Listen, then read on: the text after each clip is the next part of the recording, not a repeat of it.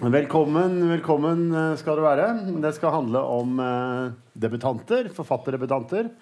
Og eh, som vi snakket litt om på forhånd her, så er jo det å skrive bøker det er jo en eh, ting med mange, mange fasetter og mange aspekter. Og en av dem er jo å opptre foran folk. Og jeg tror vel at eh, en ting man bare må forberede seg for i det harde livet som forfatter, jeg skriver selv bøker, er jo at eh, det kan komme alt fra én person til, eh, til hundrevis. Og det er eh, eh, det er sånn det er. Da gjør man det beste ut av det. Jeg har selv opplevd eksempel å sitte på kjøpesenter i Spydeberg i oktober og skulle signere bøker. Det kan vi si at det ikke var så fryktelig mange som var interessert i min bok der. Jeg har sittet på Strømmen storsenter og blomstret sammen en rekke andre. Der vi til syvende og sist måtte lokke over en gruppe unge afghanske gutter som kom og, som kom og satte seg ned mot at de fikk prøve mikrofonen etterpå. For de drømte om å bli rappere. Som andre det er, det er, mange, det er mange, mange ting med å være forfatter, så det skal dere være klar over. Eh, men eh, eh, vi har jo eh, tre, eh, tre, tre forfattere på scenen her nå. Ved siden av meg her sitter Pravlin Kaur, som er eh, aktuell med en bok som kom i september i fjor, som heter 'Ferdig med ting'. Så har vi Sofus Greni som sitter der. Han har akkurat kommet med eh, boken 'Langs det utslåtte håret'. Og lengst borte har vi eh, Taraniga Raja med eh, romanen som også kom i fjor, som heter 'Det er lenge til skumring'. Så velkommen skal dere være.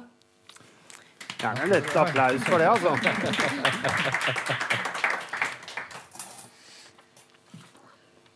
Eh, litt praktisk så tenkte jeg at eh, vi skal snakke om, eh, om, eh, om eh, hver av bøkene med hver av forfatterne. Prøve å få det til å bli en samtale som forhåpentligvis flyter litt. Vi skal få opplesninger. Og vi skal prøve å nærme oss litt av hvorfor man skriver. Da. For det er ikke en åpenbar ting å gjøre. Å sitte alle disse timene som enhver forfatter gjør, og slite og slite og slite. Eh, mot en betaling som ikke alltid er så veldig stor heller. Men eh, folk gjør det jo. Jeg gjør det selv. Og hvorfor er et spørsmål jeg er interessert i. Uh, og uh, så er det også sånn å si at det er mulighet har jeg skjønt, til å kjøpe bøkene borti der. Og sikkert også få en signatur. Så de av dere som er interessert i det, må absolutt uh, benytte dere av muligheten. Sats på å holde på ca. en time. Vet ikke. Litt under, litt mer. Litt avhengig av om samtalen flyter fint. Men uh, Prablin, jeg har lyst til å starte med deg. Eh, fordi det er jo faktisk sånn at du er jo ikke debutant, du. Nei, ikke sånn på ekte. Nei, fordi du uh, skrev jo faktisk en bok i 2012 som het 'Jeg er Prablin'. Og der skylder jeg å si at det var faktisk jeg som var redaktør for den boken. Så jeg har jobbet med deg tett, ja, Prablin. Ja. Men, men 'Jeg er Prablin' det er jo en helt, helt annen bok. Altså Det er din selvbiografi. Og altså vi skal, Det er Utøya 22. juli, det er utenforskap i barndommen og sånn som det. Eh, men her har du gått i en helt, helt annen retning. Kan du fortelle litt om det? Altså, du går fra å skrive en ganske streit selvbiografi eh, til å skrive en, eh, en, en bok som dette her. Hva skjedde? Ja, hva skjedde? Eh, da jeg begynte å jobbe med romanen, så var det på en måte én ting som sto veldig klart for meg, og det var at måte, romanen ikke skulle ligne på eh, altså, selvbiografien eller den boka jeg hadde gitt ut før. Eh, så da var jeg veldig opptatt av at karakterene og på en måte tematikken skulle liksom være annerledes. Eh, men jeg tror det også handla om at jeg på en måte ville skille veldig mellom de to tinga. Eh, at den biografien kom på en måte ja, i eller liksom etter 22. juli, og på en måte romanprosjektet mitt og skrivinga nå er noe annet enn det jeg drev med da. Så da var det viktig for meg at dette skulle være noe annerledes. da Og det er på en måte skjønnlitterær skriving jeg har lyst til å liksom fortsette med. Så derfor så ble det viktig for meg å gjøre forskjellige ting. Fortell litt om forskjellen. Altså, hvor er du et annet sted i livet nå enn du var da? Ja, eller da, da den første boka kom, så gikk jeg tredje året på videregående. Eh, eller jeg var liksom akkurat ferdig på videregående. Eh, og var veldig aktiv i AUF og Arbeiderpartiet. Brukte veldig mye av fritida mi på det. Eh, mens i dag så er jeg snart ferdig på jusstudiet. Bruker ikke så mye tid på AUF og Arbeiderpartiet. Og skriver ikke så mye sakprosa. Eller altså jeg skriver liksom ikke kronikker og debattartikler som jeg brukte mye av fritida mi på før. Nå er jeg mer opptatt av å liksom sette meg ned og bare skrive, da. Og jeg vil at det Eller jeg har på en måte funnet et annet rom da i skrivinga mi, og det er på en måte det skjønnlitterære jeg vil inn i. Så jeg tenker at jeg, at jeg er på et annet sted i livet, men at jeg også er på et annet sted med skrivinga mi.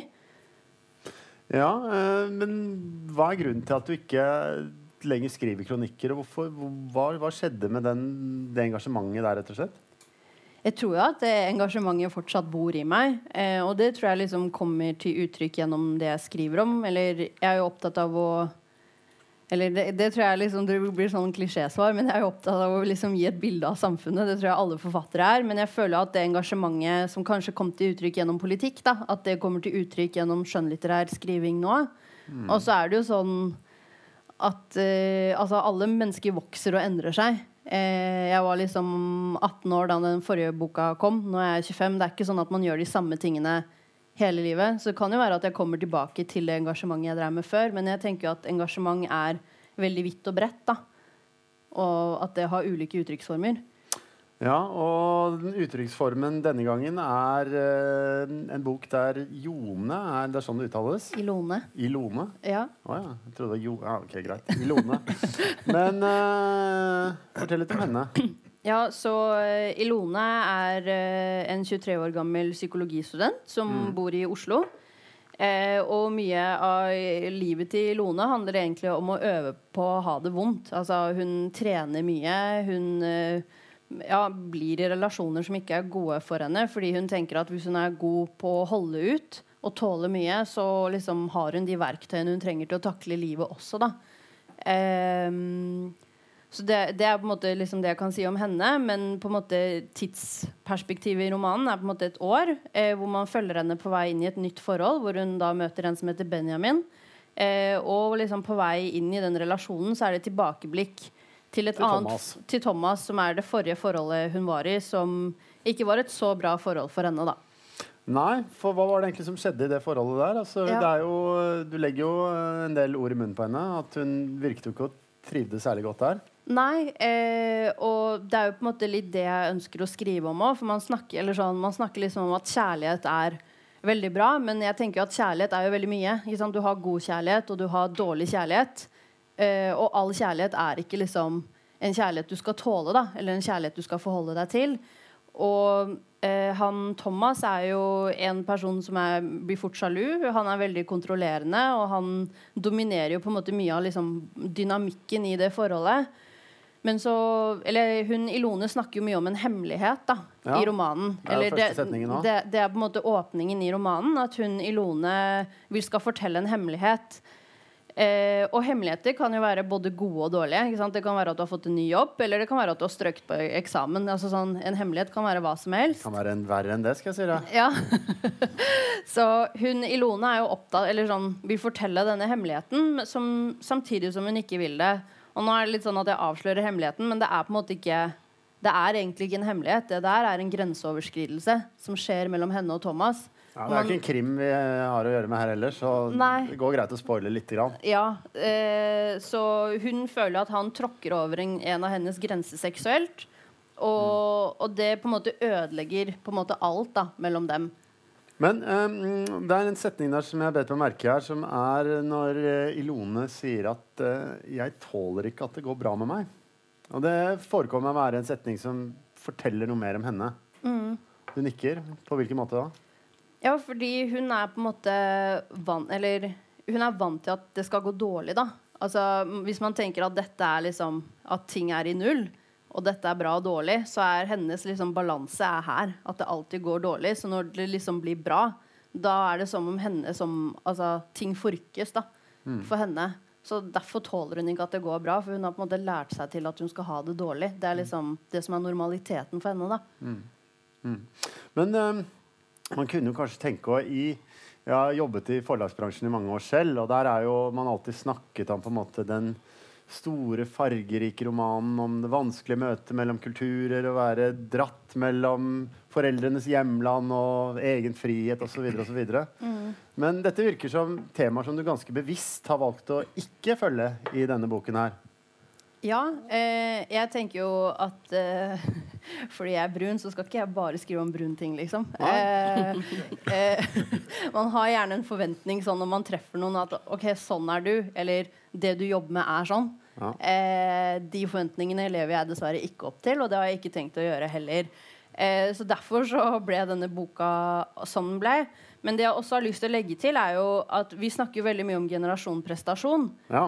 Og Ilone er liksom Eller for, ja, for hun er veldig hard mot seg selv, på en måte. ja, og jeg tenker liksom at det som er Ilones sykdom, eller det som er hva skal jeg kalle Ilones lidelse, eller det som på en måte går feil, da, det er at hun lever i, nå, altså, i dagens samfunn. At hun vokser opp i dagens samfunn. At hun vokser opp, eller hun vokser inn i et krysspress der hennes forventninger kolliderer med samfunnets forventninger. Og det er det som gjør henne syk. da Eller som gjør at hun på en måte har denne indre monologen som på en måte er hennes uvenn konstant. Nei, jeg syns det er veldig forfriskende at du så Selvfølgelig skal ikke du Jeg tulla når jeg sa at du skal skrive store, fargerike, episke romaner om møtet mellom kulturer. Men hva sier du, Taraniga? Du er, jo, du, er jo, eh, du er jo oppvokst på Moi og har foreldre fra Sri Lanka. Har du også følt på et sånt bevisst eller ubevisst press til at du skal skrive noen bøker som skal handle om ja, en sånn, det man forbinder med Altså sånn Skal vi si ja, innvandrerromaner, i anførselstegn? Jeg har nok ikke følt et indre press på det. Jeg skri har jo skrevet en idéroman, da, og det er gjerne ja. sånn jeg jobber på. Eh, men jeg merker jo at veldig mange spør meg hvorfor jeg ikke skriver om, eh, om det å være tamil, eller eh, hvorfor jeg valgte samer. Så jeg får ganske mange av de spørsmålene, i hvert fall i begynnelsen. Eh, men jeg tenker jo til forskjell fra deg, da. Jeg har jo skrevet en roman om rasisme. Ja da, og vi skal komme grundig tilbake til din roman, bare så det er sagt. Ja, ja, nei, men altså, altså Jeg vil jo si på en måte at ja, jeg har ikke skrevet en innvandrerroman, men det er noen paralleller der allikevel. som man ikke de kan se bort syns fra. jeg er spennende å utforske litt når vi kommer dit hen. Men Hva sier du da, Sofus? Nå har du hørt på, nå har du hørt på hva Prablin sier. Altså generasjon, prestasjon, sånne ting. Altså, det, er jo, det, er jo, det er jo et ulikt bakteppe du tegner opp her, men kanskje i Nora så er det noen sånne type elementer der også? Ja, absolutt. Eh, Og Prablin og jeg, når vi tok flyet sammen nedover i dag, så snakket vi jo nettopp det om kanskje en sånn rekke likhetstrekk mellom eh, altså min eh, hoved, eh, en av hovedkarakterene i min roman, altså Nora, og Ilone. Hvordan de begge Altså dette med at trening står som et sentralt tema. Men jeg tror nok på en måte hvis, hvis det er slik at Ilone kan forstå som at uh, treningen er en slags uh, en, en smerte hun påfører seg selv, så tenker jeg nok at Nora heller trener Altså har treningen en, spiller en helt annen rolle uh, i min roman, hvor det handler snarere om å kanskje tilegne seg styrke og bryte ut. og bryte opp at det er en slags motsatt bevegelse. Så jeg, jeg, vet ikke om ja, hvor mye det handler om en sånn prestasjonsgreie. Nei. I hvert fall et slags bakteppe, men det skal vi også komme tilbake til. Men nå har jeg lyst til at du skal eh, begynne med å lese en liten ting fra boka di, Prablin. Ja. Eh, jeg tenkte at jeg skulle lese fra åpningen. Eh, for romanen er jo skrevet i jeg-perspektiv, og det er jo for at man skal på en måte komme inn i hodet på Ilone, sånn at man på en måte blir kjent med den monologen hennes. da. Så kanskje dette utdraget kan vise litt til det. Jeg skal fortelle deg noe. Da må du love å ikke si til noen, for det er hemmelig. Egentlig kan jeg ikke si det til deg heller, men du kommer til å få vite det av andre. Og da er det bedre at jeg sier det til deg. Det sies at man farges av det man får vite først. Derfor må jeg legge premissene for hvordan du skal forholde deg til det jeg skal fortelle. Jeg hater folk som går rundt grøten. Jeg hopper fra ting til ting, går rett på sak. Men det gjelder kun de ytre faktorene, de trivielle tinga. Når det handler om det inni meg, hva jeg vil oppnå, kjempe for, kunne jeg løpt halvmaraton for å utsette å si noe om det. For jeg skjønner ikke hvilken ende jeg skal begynne i. Om jeg vil klare å holde på oppmerksomheten din. Og nå tenker du at jeg er dum, som trekker det ut i det uendelige. Men det er du som er det. For du forstår meg ikke. Livet mitt er en strek. En monoton strek. Jeg blir født, lever, dør. Det er august.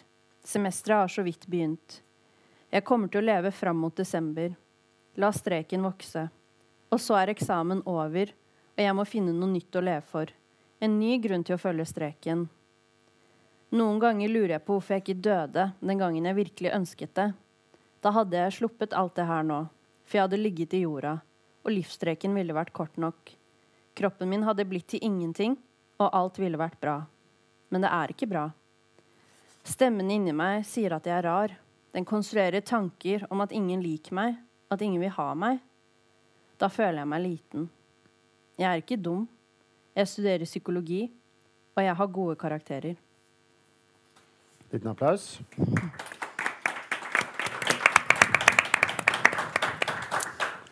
Ja, eh, takk skal du ha, Prablin. Eh, du, er, eh, du må selvfølgelig også bare komme med dine kloke og gjennomtenkte innspill når de andre snakker også. Men eh, nå har jeg lyst til å, å snakke mer med Sofus her og hans roman 'Langs det utslåtte håret'. For det er jo nemlig mm, Vi skal jo inn i de vanskelige temaene. eh, På et, eh, om ikke på et politisk, så iallfall på et eh, psykologisk plan. Sjalusi Ja, ja.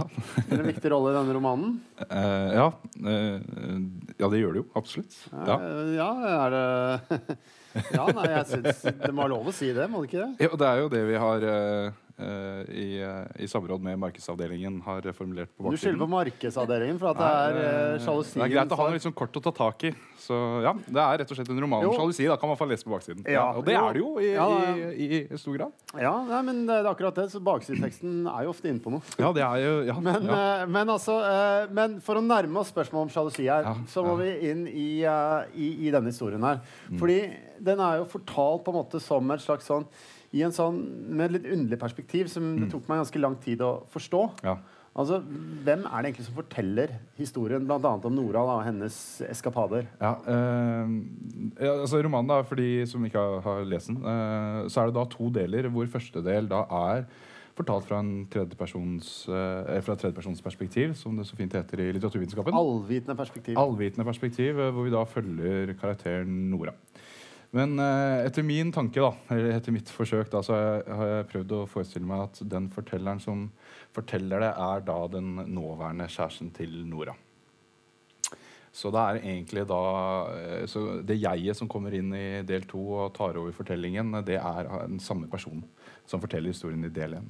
Det har vært mitt, eh, min idé og tanke, da. eh, selv om det kanskje ikke alltid forstås slik. Ja, men altså, Vi skal komme litt til, for det skjer jo noe med fortellingen også i tonen og trøkket utover i del to der. Men altså, kan vi stole på denne fortelleren når Nei, han forteller det er, dette? da? nei, det er nettopp det man ikke kan. Uh, nettopp fordi uh, altså Vi er jo fristet kanskje som leste til å tro at hvis vi ikke har noe jeg, og vi refererer til uh, de litterære figurene som han eller hun, så tenker vi at den som forteller, den vet Den, den kan den historien, den har kontroll på den historien.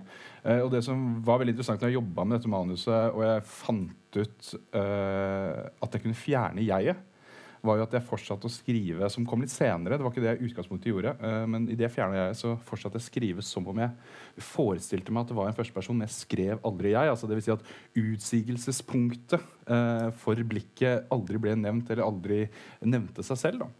Eh, og dermed får man jo en ganske sånn upålitelig og rar forteller, eh, som man etter hvert tror jeg som leser eh, lærer seg å hate litt og, og mistro. Ja, ja, ja jeg kan se den. Kan se den. Men så skjer det jo et eller annet da med, med denne Du beskrev det på intrikate og flotte måter her nå, men utover i del to så Ja. får du jo mer sånn da blir det mer håndfast, i hvert fall på ett nivå. da. hvem, hvem denne, hvem, hvem denne altså, Da blir du en, da blir du en jeg-person også. Ja, ja det stemmer. Ja. Uh, hva, hva er det som skjer utover der? Du trenger ikke å spoile hele fortellingen. Men altså, uh, det skjer noe med For meg så var det en eller annen, det var en eller annen trøkk der. I del to, eller? Ja, i del to. Uh, ja, da kommer jo altså Da skal det sies at fortellingen tar en annen vending hvor hvis, hvis starten av boken handler om et forhold som går i oppløsning, så er da del to eh, forhold som har gått i oppløsning. Så da møter vi jo da for første gang eh, Og da følte jeg at det for første gang var plass til å ha et subjekt eh, som karakter. At subjektet kunne ta sin plass. Eh, altså den som fortalte historien, historien i del én. Eh, og den, eh, da blir det en litt annen Da tar boken en litt annen vending at den kanskje prøver å ta inn over seg da konsekvensene og, og sorgen da, som eh, er, eh, følger i kjølvannet av en litt sånn turbulent og jævlig forelskelse. Ja, for det, er, eh, det sies et sted der som jeg også merket meg, da, som er at den som er rammet av sjalusi, forestiller seg den andre i paradis. Ja. Fortell litt om det. Uh, det er jo kanskje uh, Eller for å ta en anekdote, da. Har du opplevd det selv? Å være sjalu? Nei da, men altså Eh, jo, men altså Hvis det er spørsmålet, så ja, det, det har jeg. Og det tror jeg kanskje de fleste som har vært rammet av en forelskelse, har vært òg. ja. Altså det, ikke fordi altså i, Sikkert i mange forskjellige former, men altså den eh, man opplever noe som er så veldig flott og godt, så er man klart at man blir redd for å miste det. Eller man får behov for å prøve å ta kontroll over den situasjonen og de følelsene som man kanskje ikke noe, altså Hvis man plutselig blir forelsket, så er det ikke så velvillig de følelsene man setter i spill. altså De er jo der plutselig. Man blir jo veldig følelsesmessig sårbar, så å prøve å reetablere en sånn uh, balanse i det er jo, er jo kanskje mulig. Ja. Eller hva jeg har opplevd på. Ja, for jeg synes det er interessante med det der er at man Det rare er jo når forelskelsen eller de gode følelsene er på sitt sterkeste, Mm. at parallelt med det så kan man føle, om ikke på en sjalusi, så i hvert fall på en sånn enorm frykt for at dette kan gå tapt. Ja, for dette, kommer kommer til å, dette kommer til å ta slutt en gang. ikke sant? Ikke sant? Ja, Det er den fæle følelsen man har. ikke sant? Ja. Ja, Som lurer bak deg et eller annet sted. ja det er kjærlighet. Vet du. Ja, det er det. Det er jævlig, det er jævlig men det er fryktelig fint. Ja. Ja, ja, ja. Ja. Men uh, fortell litt om hvordan dette her altså Hvordan har du jobbet med denne boka? her? Det er et intrikat, uh, sinnrikt eh, system du setter opp her. Eller måten du forteller om det på, er interessant. Men det er, altså, hvordan, hvordan kom denne fortellingen til deg? Og da tenker jeg ikke på et sånt Ja. privat plan, men også på et sånt, hvordan jobba du med det? Uh, jeg, jeg skrev uh, Jeg skrev en roman uh, ganske tidlig når jeg var sånn 1920, som var ganske jævlig. Og så kasta jeg den, så- men det var en tematikk der som jeg ikke var helt ferdig med. Eh, men jeg visste ikke hvordan jeg skulle skrive ut den historien på en måte som gjorde at det føltes riktig og autentisk. Og det var ikke før jeg leste en annen roman av en eh, franskmann som heter eh, Alain Robgrillet, som også tittelen er hentet fra. Den heter 'Sjalusi', og i et av kapitlene hans eh, så starter han eh, med setningen 'Langs det utslåtte håret glir børsten'. Og det, er altså det, derfor jeg har fått den tittelen. Men det han gjorde så mesterlig, eh, er at eh, han da skrev som om det var en førstepersonsforteller, men han fjernet jeget. Og det løste veldig mye for eh, mitt prosjekt. For i, da fant jeg ut at da kunne jeg ta opp den tematikken jeg ville skrive om, i en form som gjorde å det altså som gjorde det mulig å formulere det innholdet på den måten jeg ville. Og nettopp det med at liksom, liksom, Hvis man har vært sjalu, altså, hvor altomfattende det er. Og da handler det om at når man er sjalu, så finnes du ikke som subjekt nesten lenger. Altså, du er bare fokusert på den andre. Og, og det fokuset fant jeg ikke noe form på når jeg prøvde å skrive den boka første gang. Så det var så mye dritt med at jeg følte på ting. Jeg skulle gjøre det, og jeg var lei seg for det. Jeg, måtte liksom, jeg hadde noen indre monologer man reflekterte over det. Jeg måtte bare ut, for det handla ikke om det. Det, om, det var veldig der ute. Ikke sant? Jeg måtte fokusere på Nora, da, som var hovedpersonen. Det var hun som var viktig, det var hun som var grunnen til det. Og hun som var kilden til den store forelskelsen og den store sorgen. Um, så sånn kom, til, sånn kom den boka til. Og idet jeg satte meg ned og da skrev uten jeg, etter å ha lest Alain Robbe-Gillet, så, så løsna det noe. Og da gikk det veldig fint. Da Men nå snakker du vi om for meg, men hvorfor er, hvorfor er jeg, fortelleren, så Hvorfor var han så betatt, for ikke å si besatt, av Nora? Eh, hvorfor han var det? Ja, Hva var det i Eh. henne? Du har jo sett den for deg helt sikkert i timevis, for ikke å si timer, i ditt indre. Ja, nei, eh, Det er et godt spørsmål. Altså, eh, jeg, tror, jeg tror jeg skriver litt om det eh, i på en måte all sin tilforlatelighet. At det er noe med at hun er eller Jeg fikk en anmeldelse i Adresseavisa på lørdag at, som skrev at Nora er så kjedelig som karakter at, romantik, at en romantiker som kan bli forelska i henne, det er veldig rart. eller et eller annet sånt. uh, men, men det var kanskje nettopp det som jeg syns var så flott med henne. Og jeg tror ganske tidlig i romanen så sier jeg et eller annet om at uh, hun er ærlig. Altså en setning om at som en sommerkveld eh, eller en skyfri himmel eller For henne så betyr ikke stjerner noe annet enn en skyfri himmel. Ja. Eh, Som at hun, er, hun har en sånn veldig veldig jordnær tilnærmelse, men som på en måte kanskje kan ses på liksom, som kidsa kaller for en basic bitch. på mange måter, altså En som bare driver litt med og ikke har noe lidenskapelig forhold i livet. Men samtidig så synes jeg det er noe veldig flott med, med hvordan Nora møter verden.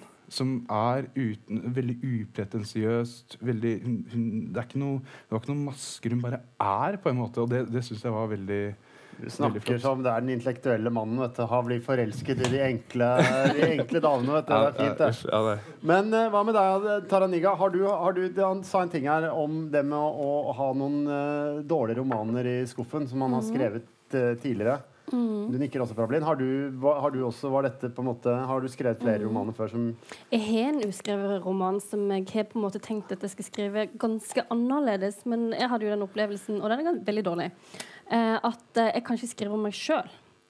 Så det er mye det som eh, Ja. Ja, Ja, jeg skjønner veldig igjen i det. Ja. Ja. ja men det er et interessant tema. Prablin, har du også mye sånne uferdige Du debuterte jo i en alder av 18 år, da. Og det var ikke så vanskelig for deg, kanskje? Men har du skrevet mye som du bare har måttet kassere, eh, også på, på ferdig med ting? Ja, altså sånn, det var jo altså sånn, Nå er jo denne skrevet i jeg-person, men det var jo ikke gitt at det skulle være eh, altså at det skulle være et jeg-perspektiv her. Eh, den, altså den, eh, jeg, har- jeg har skrevet gjennom dette manuset flere ganger hvor vi har gått fra jeg-person til tredjeperson og så tilbake. Og så har, altså Før så var det jo sånn at denne Thomas-karakteren på en måte var mer til stede i nåtid. Og så liksom eh, skrev jeg liksom ut et liv med han holdt jeg på å si, i denne romanen. Og så skulle han ikke være med like mye likevel. Eh, så jeg føler jo på en måte at liksom det sluttresultatet her er jo et resultat av mange omveier da, som leder til noe til slutt. Men jeg har jo på en måte Eller mens jeg har skrevet på denne her det, eller det, eller jeg har merket at for at jeg skal finne roen med det jeg skriver, så må jeg alltid parallelt skrive på andre ting.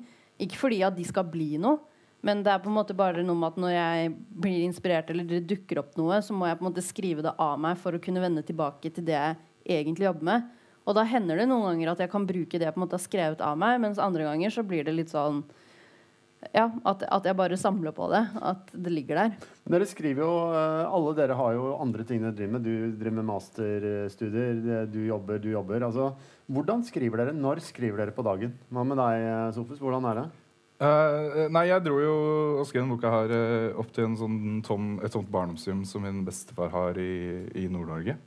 Så jeg var der en uh, fem uker og skrev den boka. Fem uker? Ja. Ja. Har du skrevet den på fem uker? Ja, ja, jeg har jo Jeg skriver veldig fort og slurvete, så jeg skriver fort, og så bruker jeg lang tid på å tenke nøye gjennom eh, hva jeg har skrevet, og stryke mye. Taraninga, hvordan eh, jobba du med altså Vi skal komme Ja. mer inn på ditt Ja, ja, eh, ja. storverk, men, men altså, likevel så må vi jo Ja. eh, vi må jo, Men altså, hvordan, hvordan jobber du? Altså, jobber du på morgenen? Jobber du på kvelden? Altså, hvordan er det? Altså, I begynnelsen, de første årene For denne her boka har jeg skrevet i tre og et halvt år, da, så jobba jeg 100 så da sto jeg opp Jeg begynte klokken fem, men det ble litt sånn vanskelig å være sosial da. For da måtte jeg legge meg klokken ni, så jeg begynte å stå, stå på halv seks. da. Og så skrev jeg på morgenen, og så gikk jeg på jobb. For um, Jeg gikk på Aschehoug forfatterskole, og så kom Jans Kjærstad der. Og så sa han at vi måtte bruke vår friske hjerne når vi skriver. Så da er det liksom morgenen, da skriver man, og så kan man liksom gjøre de mindre viktige tingene etterpå. Ja, jeg har hørt uh, Min favorittanekdote på det er den uh, britiske spionfatteren John le Carré, som angivelig står opp klokka seks og begynner å skrive, og så skriver han fram til uh, midt på dagen. Og da hver dag så går han og åpner en flaske champagne. Så drikker han den, og så gjør han sånn, svarer på post og sånn, på ettermiddagen leser litt og sånn. Koser seg. Hø det høres ut som et bra liv Jeg meg. må begynne å skrive krim hvis man kan få champagne hver dag. Ja, Ja, ja. Du må holde øye med Prosecco, men det er eh, men, eh, men du skal få lov å lese litt også, Sofus. Ja, ja, det kan jeg gjøre. Ja, um, Eh, ja, da gjør det lett, og så leser man fra Jeg leser fra starten. Ja, ja. det kan være fint. En dag kommer hun hjem med et plaster på haken. Hun tar seg til ansiktet og forteller at det var moren som pekte på føflekken og tilbød seg å betale for å få den fjernet. Hun pakker de gule joggeskoene i treningsbagen. Hun skulket en forelesning og dro til en klinikk på Tjuvholmen. Det gikk raskt og var ikke vondt. En sprøyte med lokalbedøvelse, et snitt med skalpell og to små strips. Det var ikke noe å bekymre seg for. Såret vil leges. Hun slenger bagen over skulderen, blir stående på terskelen til utgangsdøren og skrelle en banan. Om du vil, sier hun, kan jeg lage middag i dag.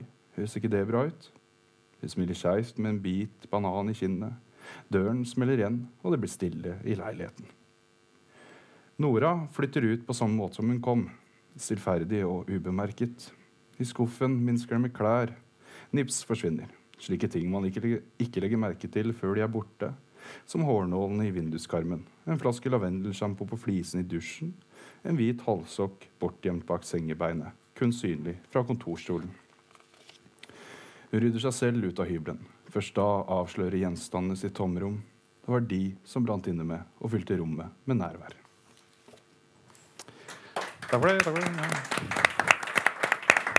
Takk for det. takk for det. Eh, vi skal over til, eh, til eh, deg, vi, Det, er, det sies jo iblant at ofte ikke så rettferdig, spør du meg, men en del sånn, en litt sånn at, uh, klisjéfylt innvending mot uh, romandebutanter er jo at de, er, uh, at de ikke ser uh, lenger enn sin egen navle osv. Og, så videre, og, og det kan man mene mye om den diskusjonen der, men jeg tror veldig få vil anklage deg for akkurat det med din bok.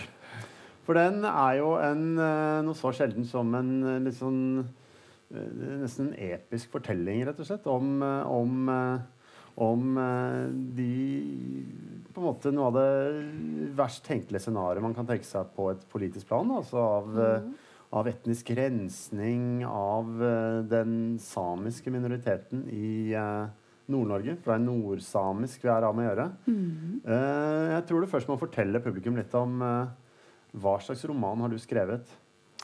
Eh, Det er en eh, roman som er lagd til en alternativ virkelighet.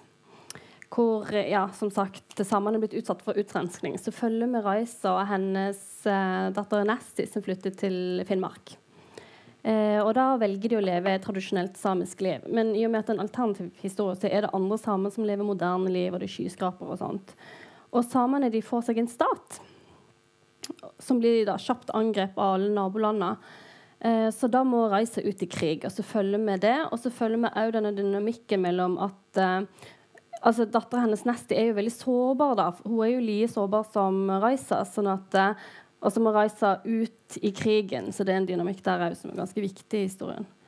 Eh, ja, og jeg har rett og slett Du vil gjerne lese litt eh, tidlig før du snakket om eh, boka noe mer også. Har du lyst til å lese litt nå, så skal vi komme mer inn på det? Nå har du fortalt Ja. litt om utgangspunktet for det.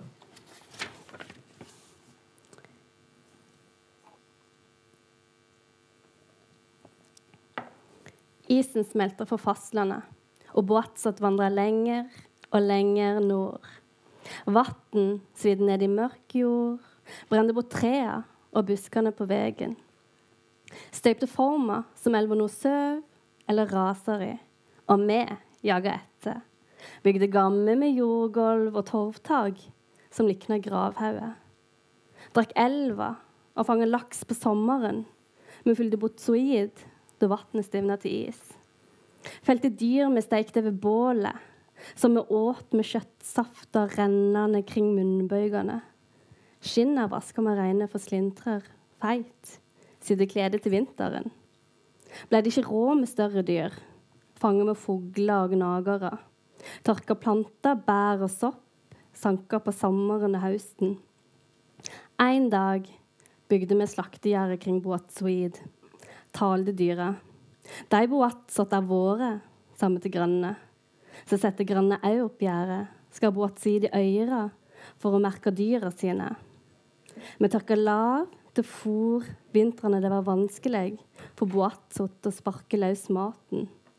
Batt bjølle kring halsen på den største bukken. På kysten flytta nye mennesker til. De dyrka jord og fanga fisk i havet. Somme fant kjærleik hos de nye og fødde unger med mjuke andlet. De kaldeste nettene bobla nordlyset på himmelkvelvingen.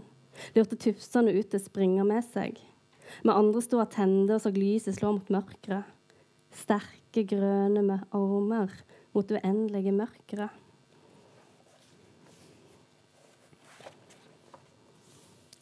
Sagat skrev jamleg om raida på grensa. Nordmenn kryper gjennom finskeskogen for å bombe asfaltsapnajid og stjele botsoid for flyttsapnajid. Terroristene kvervler en gammer og hus med maskingevær retta mot bleike brystkasser, mot våte hoved, tvinger opp leppene til mødre og døtre til å oppkaste glinser på gulvet. Så vender de kroppene. Det tryggere i store sideid. Nordmennene angriper sjelden de som forsvarer seg.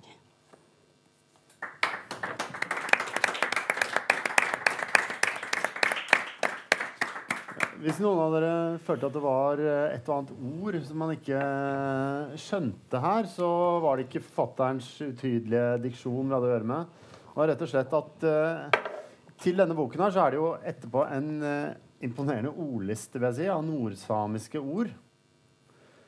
I all verden snakker du samisk? Altså Nei, jeg gjør ikke det. Men uh, ganske tidlig i boka så sier Raisa da at uh, 'Norsk er kvalm. Og når, hun- når altså begynte jeg å tenke ganske mye på det, så kom bare frem til ja, hun vil jo ikke kalle seg selv for same hvis norsk gjør henne så veldig kvalm. Så begynte jeg å bytte ut alle ordene for same med sami. Og så etter hvert så kom det flere og flere ord, da. Og så mens jeg holdt på med det, så merka jeg liksom at uh, det var liksom, det var da magien oppsto. Og eh, tekster løfta seg veldig fra å være liksom, en tekst til å bli litt mer kunst. da. Så for min del så har det vært veldig viktig med de samiske ordene. Kan nesten bli eh, nominert til Nordisk råds litteraturpris vet du, på samisk. eh, For de har jo en egen eh, Det er på samisk der, vet du. Ja, men jeg tror nok man må skrive hele boka på samisk. Å, ja, du tror det? ja, det tror jeg. Men, eh, men altså, vi må snakke litt mer om researchen dette her, da, for det er jo et, eh, det er jo et uvanlig prosjekt. Og eh, først, altså, Hvordan i all verden fikk du ideen til dette? her? Det er faktisk litt knytta opp mot 22. juli, det òg, da. Fordi at um, etter 22. juli så gikk vi jo i rosetog. Og det er en veldig vakker reaksjon, men jeg har tenkt ganske mye på om vi hadde gjort det hvis vi hadde blitt bomba egentlig. Eh, så jeg begynte egentlig med å se for meg at svenskene skulle bombe nordmennene. Men så hadde jeg ikke så lyst til å gjøre den researchen langs svenskegrensa. Eh, så jeg begynte å se utover, og da oppdaga jeg plutselig Sápmi, som eh, ligger i Norge, Sverige, og Russland og Finland. Sameland, altså. Ja, ikke sant? Eh, og det er jo veldig fint hvis man skal skrive en krigsroman, men i tillegg så begynte jeg å sette meg inn i fornorskninga og sånt. Og, og det gjorde jo ganske sterkt inntrykk. Og, og det skapte en helt annen dybde i tekster. Og det som er litt viktig her, er jo det at vi som bor i Norge, vi leser denne boka på en helt annen måte enn det en brite ville gjort. Pga. fornorskinga. Så det er liksom på en måte der i bakgrunnen når du leser, uten at du vet det sjøl. Hvordan, Fortell litt om det. Um, jeg tenker for eksempel, Det handler mye om skam. da. En, eh, en nordmann kjenner jo kanskje ikke eh, Det jeg har opplevd, er jo det at eh, ganske mange nordmenn egentlig ikke helt grep på hva fornorskninga var. Jeg tror ikke vi helt skjønte at det var et forsøk på etnisk utrensning, men man, har liksom, man vet at det er noe man skal skamme seg over. Uh, så jeg tenker at når man da leser det som norsk, så vil man føle en sånn sterk skamfølelse hver eneste gang det skjer noe med samene. Mens på samisk side så har de jo òg en sterk eh, skamfølelse over samer, samtidig som de har dette her sinnet over å bli kolonisert og oppleve den undertrykkingen det er gjort. Mm. Men um, du nevnte researchen i stad. Er, du en- er du en typisk researchforfatter som trenger det, eller kan du bare sitte på skrivebordet ditt eh, hvor du nå er i Oslo og uh, forestille deg hvordan dette er? Hvordan jobber du? Du, jeg er veldig researchforfatter. Nå driver jeg på å skrive noe som er lagt til et arabisk land med havkanten, så da eh, har jeg vært nødt til å gå og hente litt sand, og så lukte på litt sand, og så kjenne på det ja, er det ved vinduskarmen min når jeg sover. så det er liksom veldig sånn kan fysisk. Du kan bare dra hvis du, til et arabisk land. Jeg har det, men jeg, Ja. jeg har ikke lyst til å bo der. Og sånn. Nei, nei, det skjønner jeg. Hvilke land er det vi skal til da? Bare av interesse? Da er det Oman. Ja, Oman ja. det er et veldig fint land, da. Ja da, men jeg, synes, jeg trives veldig godt i Oslo, altså. Ja. Jeg gjør det. men eh, jeg har vært reist en del i Finnmark, da. Du har det? ja. Helst mest i Karasjok, som boka er lagt til, men òg en del i Øst-Finnmark og Alta. Er det ikke veldig sånn kulturforskjell mellom, jeg har aldri vært der, men mellom Kautokeino og Karasjok? Jeg har ikke vært i Kautokeino. Jeg tror det er mer Ville Vesten, og Karasjok Ja. er mer sånn sameting og alt det der. Er, det ikke- er det ikke sånn der, da? Jeg vil si motsatt, nesten. Er det det? Ja, ut fra de andre samene som jeg har møtt, så har jeg fått litt inntrykk av at det er veldig eh, Men jeg vil jo egentlig ikke si at det er Ville Vesten i Finnmark. Nei, det er liksom bare bygda. Og folk drikker på bygda, om det står i Rogaland eller i Finnmark. Eh, men eh, jeg, ikke, ja, jeg møtte vel Jeg merker jo f.eks. at eh, Kautosamer kan være litt mer reserverte enn Karasjok-samer, f.eks.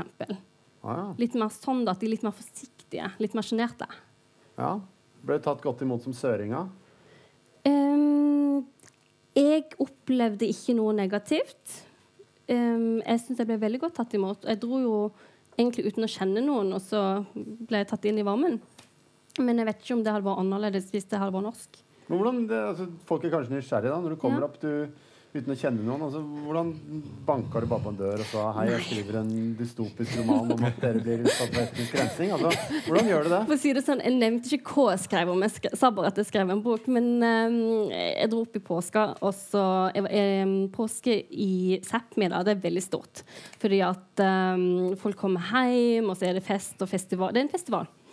Og så kjører folk snøscooter og scootercross og sånt. Um, så jeg bare kjøpte meg billetter til en konsert, og så gikk jeg der, og så var jeg aleine, og så fant noen meg. Litt sånn. Så hyggelig er det. ja. Folk er hyggelige uansett. Folk er hyggelige. De finner en. Det er det. Men uh, fortell litt mer om Raisa. Datteren hennes. Mm. Raisa er vel det du kan si mitt um, Hun er jo et prosjekt på mange måter, hvor jeg har liksom tatt ei som har en ganske trygg oppvekst, og putta henne i en forferdelig kontekst, og prøvd å se hva er det som skjer med henne når hun havner i krig. da. Så hun er jo ikke akkurat en veldig sympatisk karakter. Men det er en grunn til at Raisa er sånn som hun er. Og hun er jo veldig glad i dattera si. Mens Nasty på sin side hun er jo ekstremt sårbar pga. leiren, så hun trenger jo Raisa ganske mye. Men Raisa er så utrolig redd for at hvis ikke hun går i krigen, da dør alle sammen. Det er mye det som, den frykten som driver henne, at alle dør. Og Nasty kommer til å dø hvis ikke hun går i krigen. Så det er litt den dynamikken i staten òg, da. For jeg er litt sånn interessert i dette her med at det vi gjør som enkeltmennesker, er jo på en måte summen som blir til storsamfunnet. Samtidig så, er, så tar jo storsamfunnet og påvirker alle de valgene vi tar. Så det er en veldig sånn interessant dynamikk der som jeg prøver å utforske litt. Mm.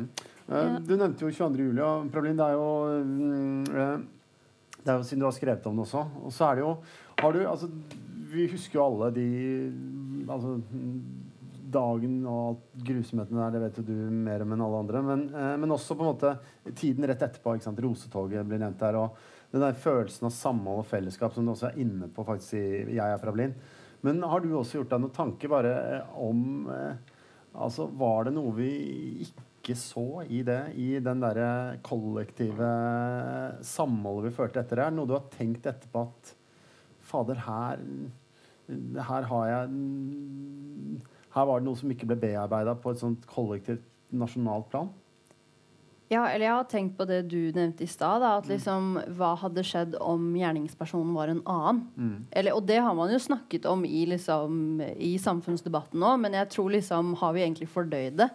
Sånn, sånn reelt liksom har vi tatt det inn over oss. Hva, altså, hadde det sånn seriøst blitt rosetog og minnekonserter og altså sånn hadde, den der hadde vi vært så kollektive i hva skal jeg kalle det, den bearbeidelsen, da, eller måten å uttrykke sorg på eh, Hvis det Altså ja, Hvis Breivik ikke var den han var, eller hvordan hadde ting blitt da? Det, det har jeg tenkt mye på.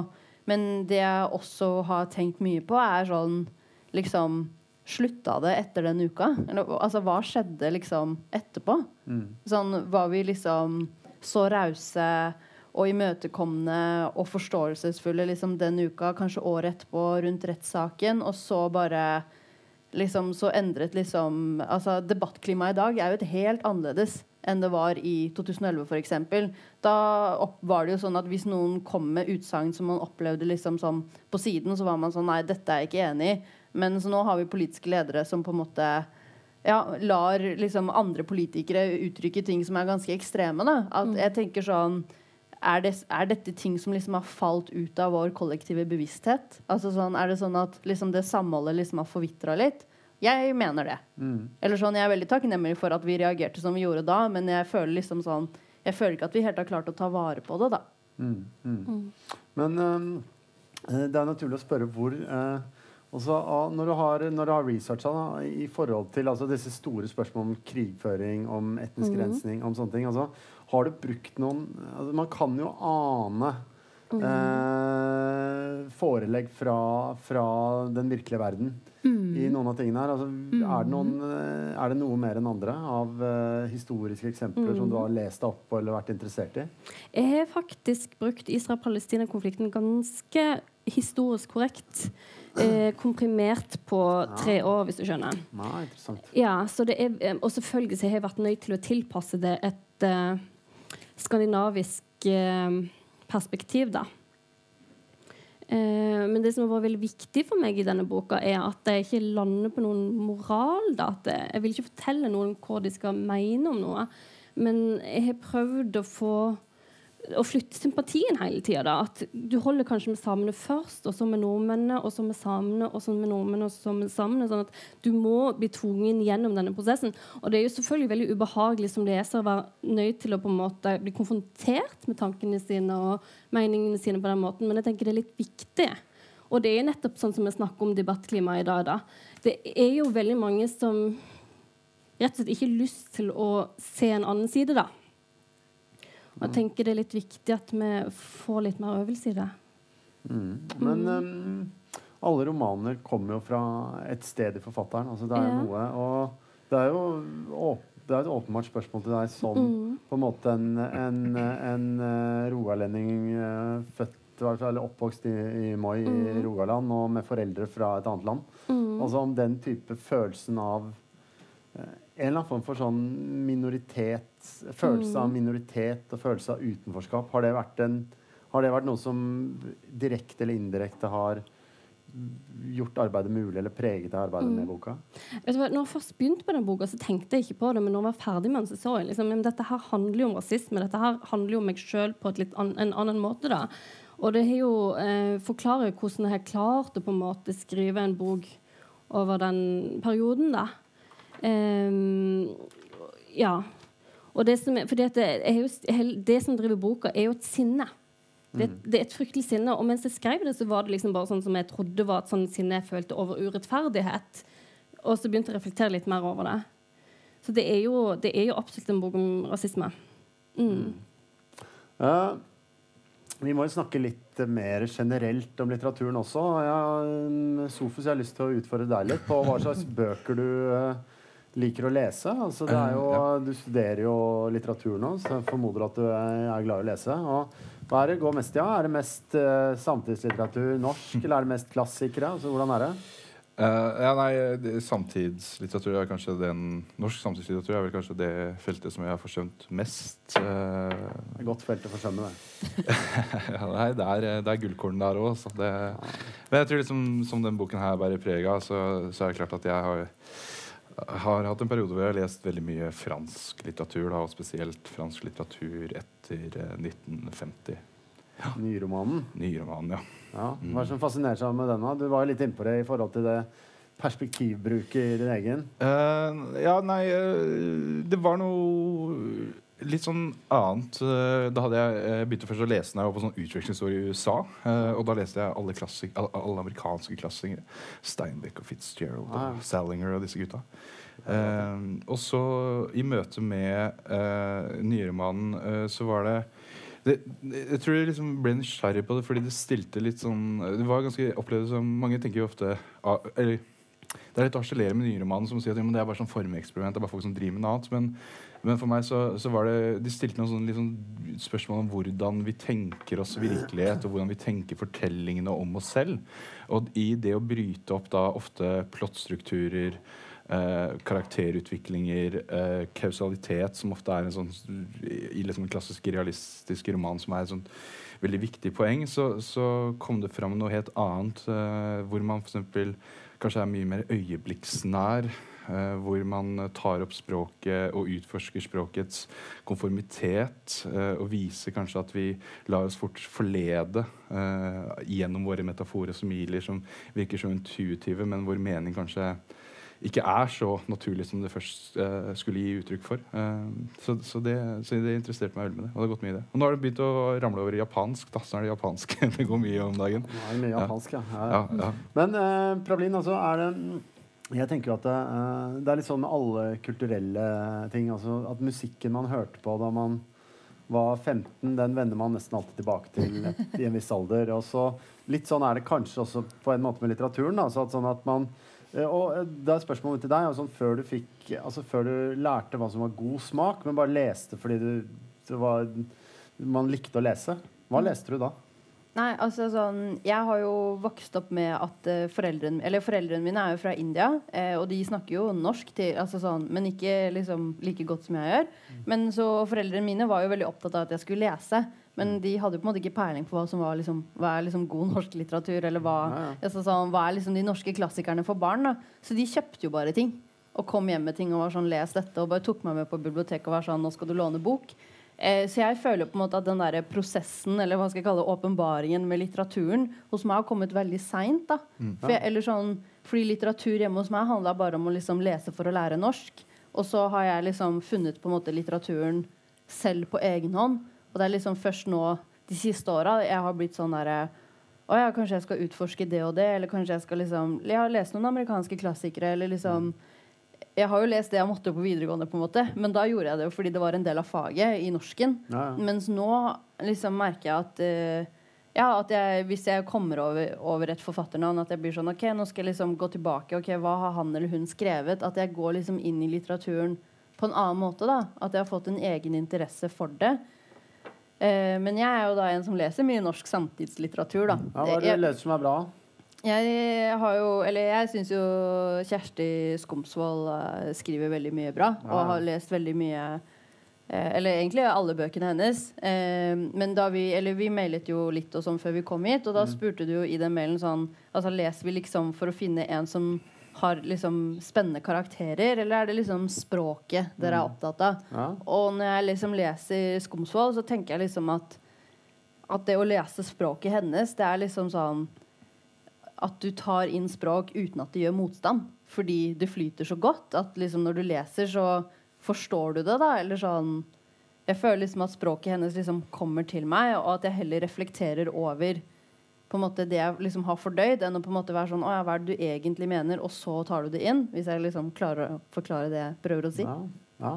Ja. Her må du reagere, nyromanens mann på bordet her. Altså, det er, eh, her skal det være motstand i språket. Nei, nei, eh, nei, men, nei, men det er ikke noe, jeg er ikke noe sånn uh, forkjemper for at ting skal være komplisert og vanskelig. Ikke i det hele tatt, altså. Så, Tullet mer, da. ja, ja. Ja. Nei, men Jeg også kom jo sent inn i litteraturen, så jeg, jeg gadd ikke å lese en roman hvis ikke det var drager i den før jeg var 19. liksom Så det, Samme her. ja, ja, ja, ja. Men, men du nevnte jo det i stedet der med at du ikke kunne skrive i jeg-form. Nevn- Jo, jeg kan skrive jeg for men jeg kan ikke skrive om meg Ja, sjøl. unnskyld, Liksom. skrive om deg selv, beklager. Men altså, det er jo, for det der er jo det interessante altså, Det er et helt reelt skille og en, på en måte en debatt som pågår i hele litteraturen nå mellom på en måte de Og da, du nevnte Jan Kjerste også, som en ledende norsk eksponent for at roman skal være diktning og fiksjon. Altså Det er det du skal drive med. Du skal finne opp historier, hva enn det måtte være om. Mens du har en annen tilnærming som i Norge er veldig knytta til Karl Ove Knausgård, selvfølgelig, som handler om at litteraturen i mye større grad Og nå skal det sies at Knausgård angivelig jobber med noe som er ren diktning nå, men man vet jo aldri med han. Men i alle fall, altså at, eh, at da har jo, han har jo vært lei av fiksjon. Min kamp ble jo, det ble jo et prosjekt som var sånn Jeg orker ikke dikte mer. Jeg bare skriver om hverdagslivet mitt, hvor enn jævla banalt og kjedelig det måtte være. Og skriver jeg om på en måte å, å ta opp eh, pakke med yoghurt eller å steke egg, liksom. Altså tre sider om det, liksom. Og, og det, er, det er litteraturen. Så ikke sant? her står det to ting mot hverandre. Altså på en måte Skal vi dikte, eller skal vi gjengi virkeligheten på en mest mulig hyperrealistisk måte? Hvis, hvis man kan, Har du noe forhold til hvor du ville stå i en sånn type diskusjon? Jeg tenker på en måte det, det er liksom Jeg tenker ikke på den måten, jeg. Um, slik jeg ser det, så det jo, handler det mer om at det som skiller Eller det som tar en tekst opp på et høyere nivå og gjør det til kunst, da, det er ofte det at forfatteren vil noe. Og det kan gjerne være at du vil noe språklig, sånn som f.eks. Trude Marstein, men òg at du kanskje vil redde verden. Eh, så det er noe med det å ville som drar opp tekster på et nytt nivå. Så jeg syns Og så tenker jeg sånn som når jeg sjøl jobber, da, så har jeg eh, Jeg lytter veldig mye til ideen. Så på mange måter så er det prosjektet som eh, bok, Boka mi fortalte meg liksom sånn skal jeg bli skreven, liksom. Så jeg forholder meg egentlig ikke til disse tilnærmingene. Nei. Nei. Mhm. Hva med deg, Prolin? Altså, det, er jo en, det, ligger det er jo en realistisk tekst på en eller annen måte du har skrevet. Men er det Altså Kanskje du jobber med noe nå, hva vet jeg. Du trenger ikke si noe om det. eller kan si noe om det, Men, altså, er, det noe, men er det noen eh, altså, hvor, hvor vil veien videre for deg gå da? Nå har du skrevet en selvbiografi og en på en måte en realistisk roman? Skal man bruke et sånt ord? Ja, eh, jeg tror jo på en måte Eller jeg, jeg prøver jo å skrive på noe nå, men jeg er usikker på om det liksom skal munne ut i en roman, eller om det skal bli en eh, novellesamling. Eller sånn. Ah, ja. Men det er på en måte Ja, det er skjønnlitteraturen jeg vil inn i, da. Men eh, jeg har jo tenkt mye på sånn derre Når man skriver, skriver man om seg selv, eller skriver man liksom eller tar man utgangspunkt i seg selv, og så ender det med på en måte noe annet? Eller du var jo på en måte sånn eller du nevnte jo i stad sånn at romanen må jo komme fra et sted inni forfatteren. Og, og det tror jeg veldig på. da, At liksom den ideen eller altså den, den kommer jo fra et eller annet sted. Eh, men jeg tenker jo ofte at det det ender opp med å bli, er jo ikke oss. Eller oss som skriver, eller sånn Fordi jeg tror på en måte ja, Som Jan Kjærstad snakker mye om, da, at liksom den virkeligheten man som forfatter presenterer, er jo en subjektiv virkelighet. Og du presenterer jo det du vil presentere. Eh, så jeg tenker jo på en måte at ja, selv om man bruker seg selv, da, så vil på en måte diktningen alltid være fiksjon på en eller annen måte. Dypest sett. Ja, det er et godt svar, det. Men Takk. Vi nærmer oss eh, Vi nærmer oss, vi nærmer oss Jeg får ikke lov til å kommentere, da. vi nærmer oss slutten her, faktisk. Så En time flyr jo. Men eh, det er jo klart at eh, altså Det er veldig mange ting man kan gjøre eh, hvis man vil enten ha lett berømmelse eller tjene mye penger eller eh, eller eh, andre ting som ikke innbefatter å skrive romaner. Så, men eh, vi, dere, gjør det jo. Skriver romaner. Uh, Tarangida, hva er det som, som, som, som driver deg? Um, det er gleden over å skrive, rett og slett. Um, det er som om jeg, jeg føler som jeg virkelig lever når jeg skriver. Det er litt sånn som å gå i skogen, og det er akkurat som Ja, rett og slett at jeg er liksom på en måte en mark, og så når jeg skriver, så gror det, liksom. Så det er det som driver meg, da. Ja. Sofus, nå eh, tenker på det altså Når man er en uh, ung, uh, ung fremadstormende forfatter, så må man jo helst ha et sånn Man skal jo egentlig drive fadermord og mene at uh, alt som kom, kom før, er elendig, og nå skal husene brennes ned av Ja. den nye litteraturen. Ja. Har du et flammende manifest du har lyst til å si her, eller er det noen, har du noen tanker om litteraturen som hva du vil med den? Eh, nei, uh, det er, jeg er overhodet ikke opptatt av fadermord i det hele tatt. Uh, og apropos sånn, eh, hva er det som driver deg, så tror jeg liksom den, hvis den romanen her er et uttrykk for noen ting, så tror jeg dette er først og fremst et uttrykk for, for meg som leser, og det tror jeg den eh, romanen bærer mest mulig preg av. Eh, at det er først og fremst skriver litteratur først og fremst ut ifra en voldsom ekstase og glede over det å være en leser og det å lese litteratur. Så det handler ikke om noe oppbrudd, men snarere om å uttrykke den voldsomme voldsomme tilfredsstillelsen det er å lese bøker. Det var fint sagt. Ikke brenne huset, men andre ting. Nå, Tusen takk til dere som kom, og tusen takk til panelet her. Det har vært en glede å prate med dere. Jeg syns de fortjener en stor applaus. Ja.